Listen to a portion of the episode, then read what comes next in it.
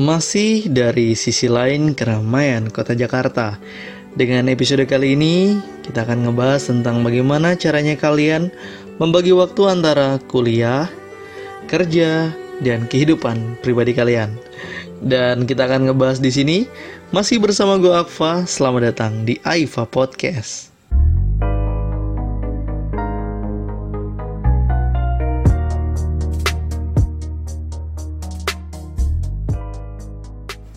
menjadi seorang mahasiswa yang begitu-gitu aja. Yang tiap harinya ketemu dengan dosen lalu teman-teman dosen killer ketemu sama bagian tata usaha ngurusin absen. Kadang kehidupan kalian terlalu mainstream kalau menjadi uh, mahasiswa yang seperti itu.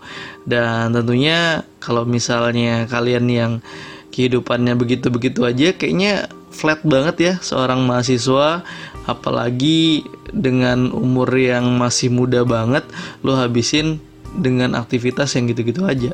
Tapi uh, banyak mahasiswa juga yang mengambil kesempatan di mana di sela-sela waktu kuliahnya dia mengambil kerjaan atau mungkin mencari kerjaan sampingan. Banyak mahasiswa-mahasiswa seperti itu dan termasuk gue dulunya seperti itu gitu tapi sebenarnya kalau kita cerita ya mahasiswa-mahasiswa yang suka dengan pekerjaan di luar dari kampus itu mahasiswa-mahasiswa yang tergolong nggak bisa diem gitu loh. Ada mahasiswa yang kerjanya ya cuma di kampus tapi dia pinter banget gitu loh. Cuma dia ngambilnya dengan membuat organisasi kampus. Ada yang seperti itu. Orang yang mungkin kita bilang dia adalah orang yang kreatif, orang yang memang dia ingin mengembangkan dirinya di uh, satu bidang ilmu gitu. Jadi dia punya kemampuan di situ. Cuma ada orang-orang beberapa yang mungkin banyak ya sebenarnya tidak sedikit juga mahasiswa-mahasiswa yang tidak mau terkungkung dengan apa ya kemampuannya di kuliah aja gitu. Dia ingin mengembangkan sayapnya sambilan gue kuliah sambilan gue kerja. Atau mungkin ada halnya ya mereka tuh pengen kerja karena waduh gua kuliah tapi kebutuhan banyak jadi akhirnya kerja. Faktor ekonomi juga seperti itu. Dan banyak sekarang mahasiswa-mahasiswa yang sengaja untuk kuliah nyambi kerja. Jadinya ada yang kuliah sore paginya kerja. Atau mungkin ada yang uh, di sela-sela jam waktu kuliah yang kosong dia mengambil pekerjaan sampingan. Banyak sekali pekerjaan sampingan yang sekarang udah muncul ya. Seperti ada yang penulis, lalu ada yang menjadi marketing, banyak sekali. Tentunya yang mempunyai penghasilan membuat mereka setidaknya tidak mengandalkan uang dari orang tua. Gue salut banget orang-orang yang kayak begini tuh. Jadi kalau gue ngerasa kayak kayak kembali ke zaman dahulu di mana gue juga seperti itu gitu. Jadi kalau gue dulu cerita ya anggapan kayak kembali ke masa-masa berapa tahun yang lalu ya udah tahun 2006 jadi gue pengen cerita dulu tentang gimana gue bisa kuliah sambil kerja. Karena dulu bokap pengen banget gue itu di fakultas hukum. Ya. karena bokap ingin ada anaknya meneruskan di mana tidaknya tid tidak keluar dari jalur hukum lah gitu. Tapi mungkin daya apa ya kalau gue bilang rasa keingin tahuan gue tentang hukum itu tidak terlalu besar gitu dan mungkin tidak terlalu kepingin untuk masuk ke dunia itu karena gue ngerasa banget kalau misalnya bokap yang kerja di uh, bagian hukum itu kayaknya penuh dengan masalah. Uh, jadi everything problems gitu. Kayak semua tuh masalah aja yang dihadapin. Yang dibicarain tuh masalah aja. Entah masalah A masalah B masalah C. Kayak semua hidupnya bermasalah itu. Gue dulu anggapnya seperti itu pas zaman SMA yang membuat gue jadi termenset di pikiran gue bahwa gue males ah. Gue pinginnya tuh kerja santai gitu. Akhirnya waktu masuk kuliah gue pingin ya udahlah nggak usah nggak usah ikut nggak usah di fakultas hukum lah gitu. Gue suka matematika suka banget matematika suka pelajaran yang eksak. Akhirnya gue mencoba di salah satu uh, universitas yang ikatan dinasnya ada gitu ya. Langsung jadi kalau lulus itu langsung kuliah gitu. Cuma mungkin gue belum beruntung gue belum beruntung kabur dari rumah demi untuk tidak terjun ke dunia hukum gitu ya akhirnya gue kabur lah gitu. Tapi mungkin restu orang tua tidak ada di situ. Akhirnya gue gugur. Tapi saat gue gugur itu gue nggak bisa ikut uh, hitungannya bukan PMDK apa SPMB ya. Seleksi penerimaan mahasiswa baru. Jadi dulu tuh gue nggak bisa ikut SPMB gara-gara waktu itu SPMB ditutup pendaftarannya gue masih di luar kota untuk mengikuti tes uh, matematika. Ini ya jadi kalau dulu tuh gue ikutnya sekolah tinggi ilmu statistik Wah, gue pengen banget. Cuma ternyata bukan restu dari orang tua akhirnya gue gugur di situ. Menyebabkan gue jadi apa ya malas-malesan gitu balik ke rumah gue ngasih tahu dan ternyata orang tua juga udah tahu kan gitu lah SPMB kan ditutup. Lalu kamu kuliah bagaimana? Gue di situ langsung blank cung gitu. Gue langsung blank banget. Gue harus gimana ngejawabnya? Ya beberapa PMDK gue dapat ya, beberapa PMDK gue dapat seperti ada yang matematika dari salah satu universitas besar di Pulau Jawa. Cuma uh, orang tua tidak mengizinkan. Jadinya hal yang seperti itu yang gue bingung gitu. Karena mungkin orang tua tahu gue sukanya matematika akhirnya nggak didukung gitu. Ngapain di matematika gitu? Akhirnya bahasanya kayak gitu bokap. Kan tidak ada keluarga yang di sana tidak ada keluarga yang uh, mempunyai background matematika. Nggak ada yang mengarahkan kamu nanti. Ya bahasa-bahasa kuno orang tua ya seperti itu ya. Akhirnya daripada gue harus ribut di rumah ya udah gue ngalah. Uh, eh, PMDK gue nggak ambil di matematika. Satu-satunya cara biar gue bisa kuliah di tahun itu dan tidak untuk uh, nganggur gue punya satu PMDK yang sebenarnya ini adalah apa ya pilihan ke empat kelima lah gitu dari pilihan-pilihan sana. Akhirnya gue gue ngambil di salah satu fakultas pertanian di Mataram Universitas Negeri di Mataram. Ngejalanin kuliah itu pun dari awal juga tidak terlalu berminat karena kenapa saya ngambil PMDK dulu waktu itu PMDK itu ngambilnya pas SMA itu kesempatannya banyak. Kebetulan SMA gue di Mataram tuh SMA favorit. Jadinya kesempatan yang didapatkan SMA gue itu banyak untuk masuk ke universitas-universitas besar di Pulau Jawa dan beberapa teman ada yang lulus dan gue mencoba gitu. Dan akhirnya gue sebenarnya lulus dua dua universitas lulus. Cuma uh, sebagai cadangan ketiga gue ngambil yang di dalam uh, di dalam pulau. Itu di Lombok di Nusa Tenggara Barat. Dan itu yang yang jadi pilihan terakhir akhirnya gitu. Di dua universitas yang yang gue dapat PMDK harus harusnya gue dapat bisa melanjutin ke sana tapi tidak ada restu orang tua. Akhirnya kita kuburkan lah itu. Masuk di ajaran baru gue ngejalanin di Universitas Mataram di Fakultas Pertanian. Gila nggak tuh? Gue SMA IPA tiba-tiba masuk di pertanian.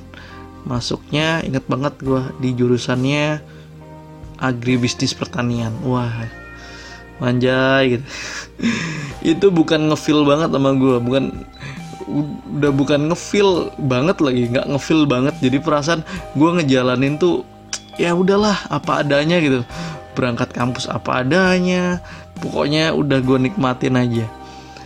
Akhirnya di situ beberapa bulan 3-4 bulan gue orangnya emang nggak pernah bisa diem ya. Jadinya gue orangnya nggak pernah bisa diem di satu tempat gue harus mencari satu hal yang uh, bisa membuat gue lebih berkembang daripada tempat ini gitu. dan setidaknya kalau misalnya gue masih harus ada ikatan sampai beberapa tahun ke depan sampai dengan ajaran baru tahun depan gue harus mencari salah satu cara atau aktivitas di mana gue bisa mendapatkan penghasilan karena jujur aja penghasilan seorang mahasiswa ya tergantung dari orang tuanya gitu. Kayak subsidi orang tua penting banget di situ. Gue nggak mau mengandalkan itu gitu. Di mana gue pengen banget ada penghasilan sendiri. Uh, sengaja banget gue ngambil beasiswa karena gue takut kalau ngambil beasiswa keterikatan gue dengan fakultas tersebut akan semakin lama. Dan ya udah karena kan sebenarnya PMDK itu adalah salah satu cara karena gue dapetnya PMDK di fakultas pertanian itu salah satu cara gimana kita bisa mendapatkan beasiswa. Jadi lebih diunggulkan adalah mahasiswa-mahasiswa yang masuk ke dalam uh, fakultas pertanian itu adalah mahasiswa dari PMDK atau jalur khusus. Tapi kesempatan itu gue nggak ambil. Gue nggak mau ada keterikatan lebih dalam dengan kampus ini karena ini bukan jalur gue udah dari awal nggak ngefeel banget gue inget banget akhirnya empat bulan gue buat kesepakatan dengan orang tua.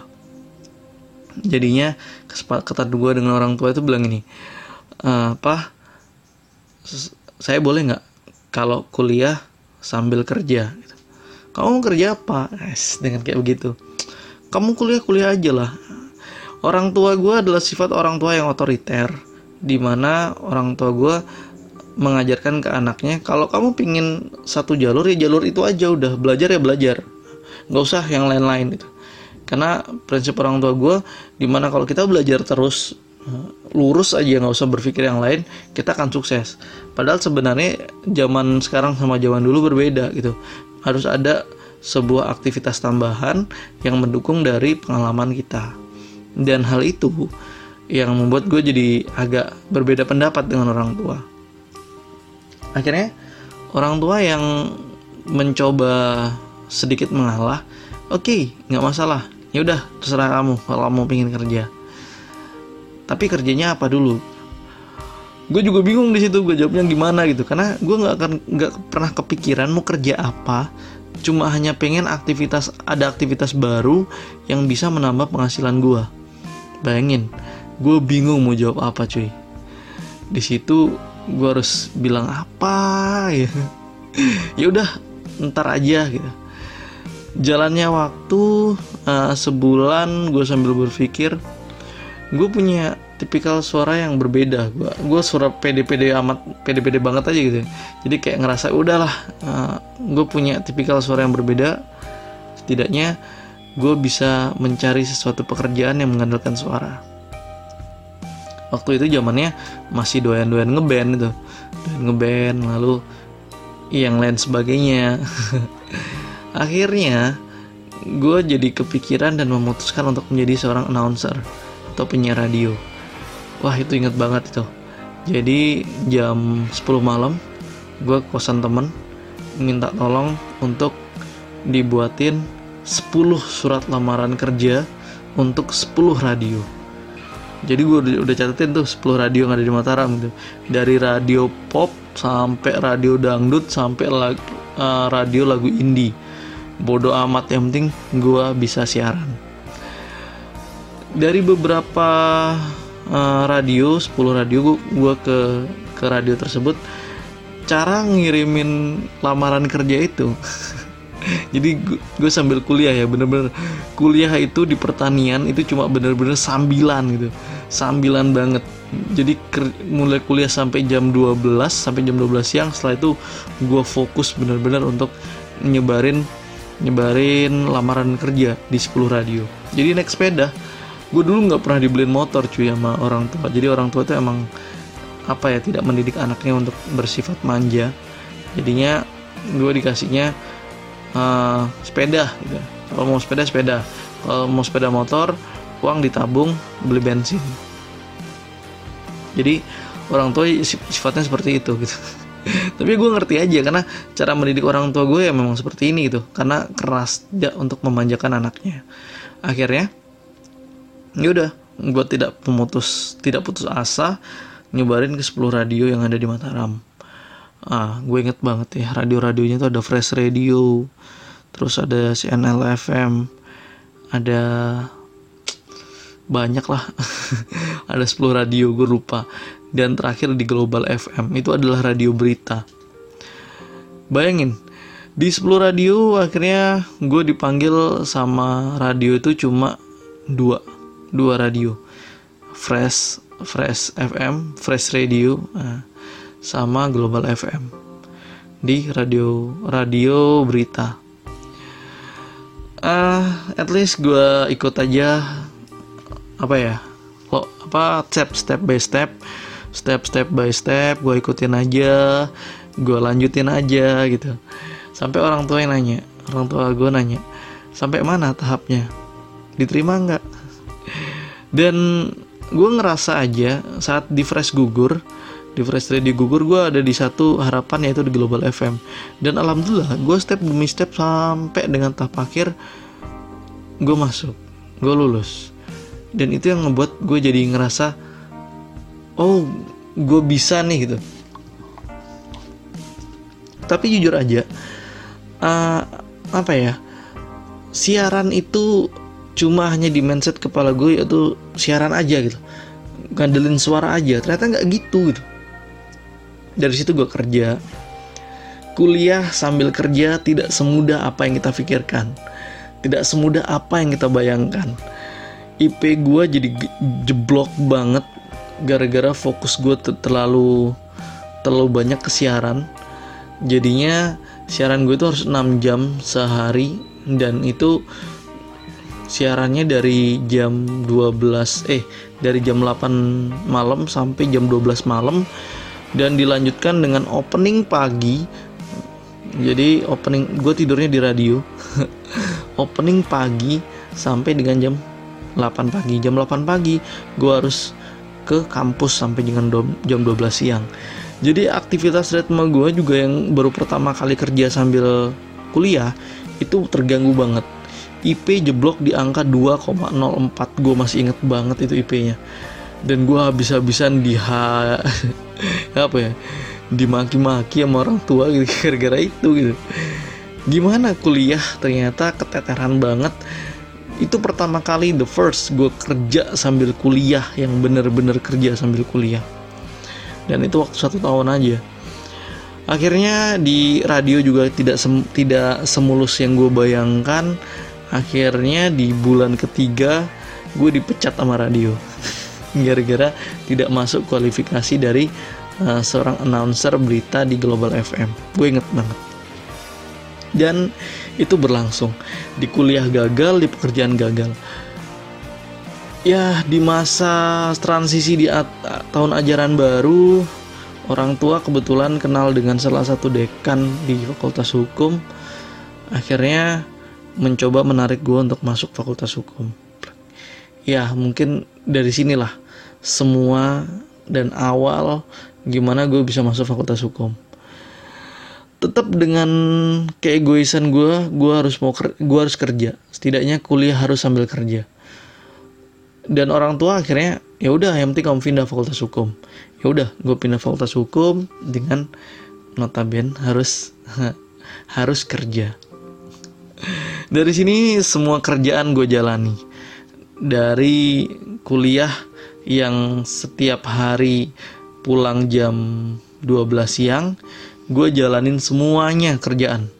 Dari marketing kartu kartu uh, prabayar lalu uh, jadi tukang colok kabel di acara-acara kayak event organizer.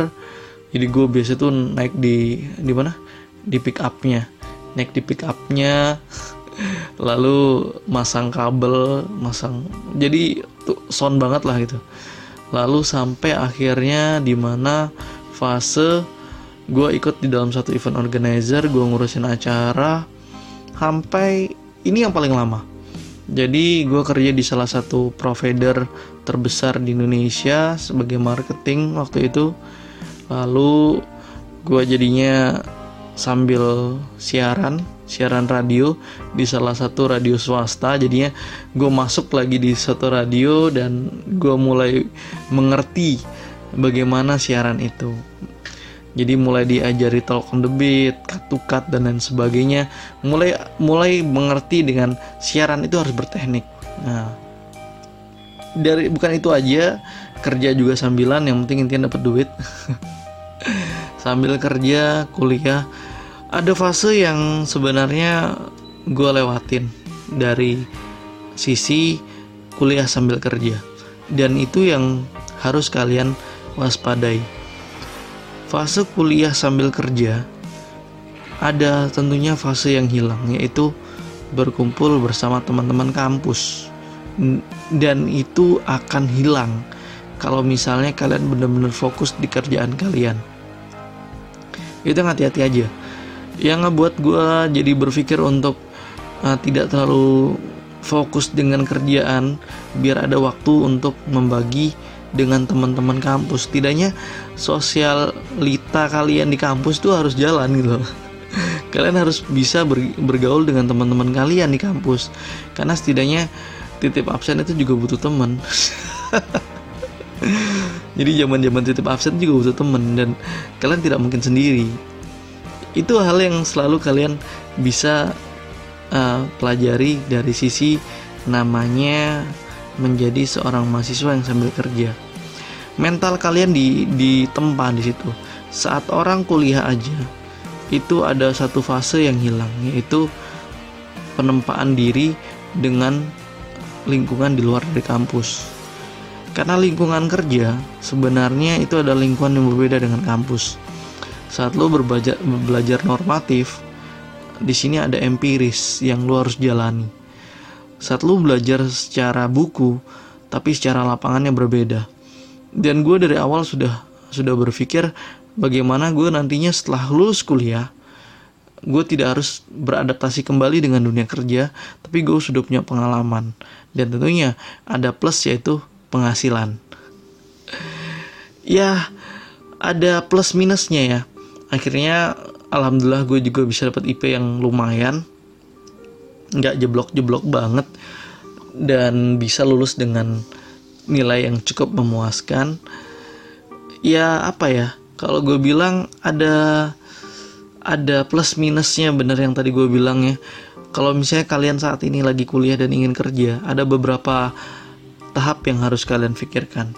Banyak sekali uh, orang yang gagal gara-gara dia sudah enakan di kerjanya akhirnya kampus sudah mulai hilang karena mahasiswa kalau sudah mendapatkan uang atau mendapatkan penghasilan dia berpikir bahwa kamu udahlah sekolah atau kuliah tidak penting lagi. Padahal sebenarnya saat kalian ingin menjadi seorang yang jenjang karirnya lebih tinggi, kalian butuh kalian butuh ijazah.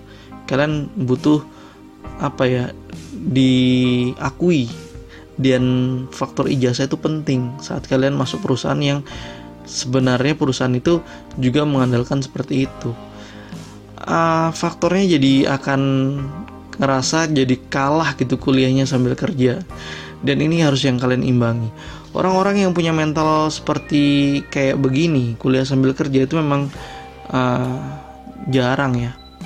Karena mentalnya benar-benar dididik ya harus kuat jadi harus benar-benar ditempa karena kuliah sambil kerja itu ada pilihan sebenarnya pilihan dari kalian sendiri jadi mental harus dikuatin Karena mahasiswa itu menghabiskan 24 jam untuk kuliah, main dan berorganisasi atau bersenang-senang. Jadi kehidupan pribadi kalian itu juga ada. Yang harus kalian pikirkan itu sebenarnya kehidupan pribadi kalian yang nggak melulu habis karena kuliah dan kerja gitu loh. Kehidupan pribadi kalian bergaul bersama teman-teman itu penting gitu. Dan itu fase yang akan hilang kalau misalnya kalian terlalu fokus kepada keduanya. Jadi memang harus pintar-pintar membagi karena mental kalian nanti di situ diuji. Memang mental kalian jadi bagus banget kalau misalnya kalian kuliah sambil kerja, tetapi ada fase yang hilang kalau misalnya kalian juga uh, mengabaikan yang seperti ini gitu. Jadi kalian harus benar-benar lihat situasi. Ya, wah, kuliah sambil kerja itu enak sih sebenarnya dapat duit. Teman-teman yang masih belum bisa makan dengan enak lu sudah bisa makan dengan enak gitu. itu aja sih kelebihan lu bisa traktir teman-teman kalian bisa ngumpul terus lu bisa ngeluarin duit lebih daripada teman-teman lo ya en itulah enaknya dan ada beberapa fase yang uh, yang gue mau kasih tahu jadi ini untuk kalian semua yang dengerin podcast gue uh, kalau kalian ingin bekerja sambil kuliah satu yang harus kalian pikirkan itu yaitu pekerjaan kalian yang kalian pilih. Jangan pekerjaan yang benar-benar menyita waktu kalian untuk bekerja daripada kuliah. Karena ada beberapa perusahaan yang tidak mau dibagi waktunya untuk pekerjaan yang lain. Jadinya fokus di pekerjaan itu aja. Ada banyak perusahaan yang seperti itu. Jadinya gue saranin untuk lo semua yang lagi dengerin podcast gue, pilih pekerjaan yang freelance. Freelance yang tidak memakan waktu banyak atau bisa dibilang part time. Jadinya setengah hari atau Sabtu Minggu. Nah, seperti itulah. Jadi hal-hal yang tidak terlalu mengganggu. Kalau gue dulunya siaran, siaran yang menghabiskan waktu sekitar dari jam 8 sampai jam 12 malam. Dan selanjutnya marketing marketing itu gue jadi marketing kartu biasanya di sela-sela waktu sih di sela-sela waktu kuliah. Ada misalnya 1 sampai 2 jam kosong gue gue keliling gitu sampai dengan balik.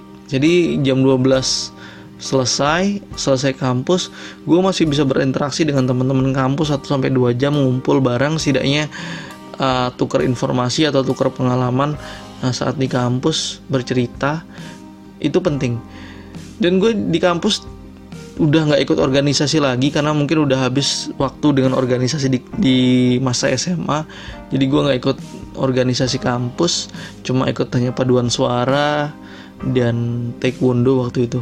Tapi itu pun ya gue nyari keringatnya aja sih nyari keringat sama paduan suara ya untuk hobi lebih kepada hobi ngumpul-ngumpul bareng temen. Cuma ya itu waktu waktu itu tidak tidak fokus kepada organisasi tersebut. Akhirnya ya banyak yang terkalahkan.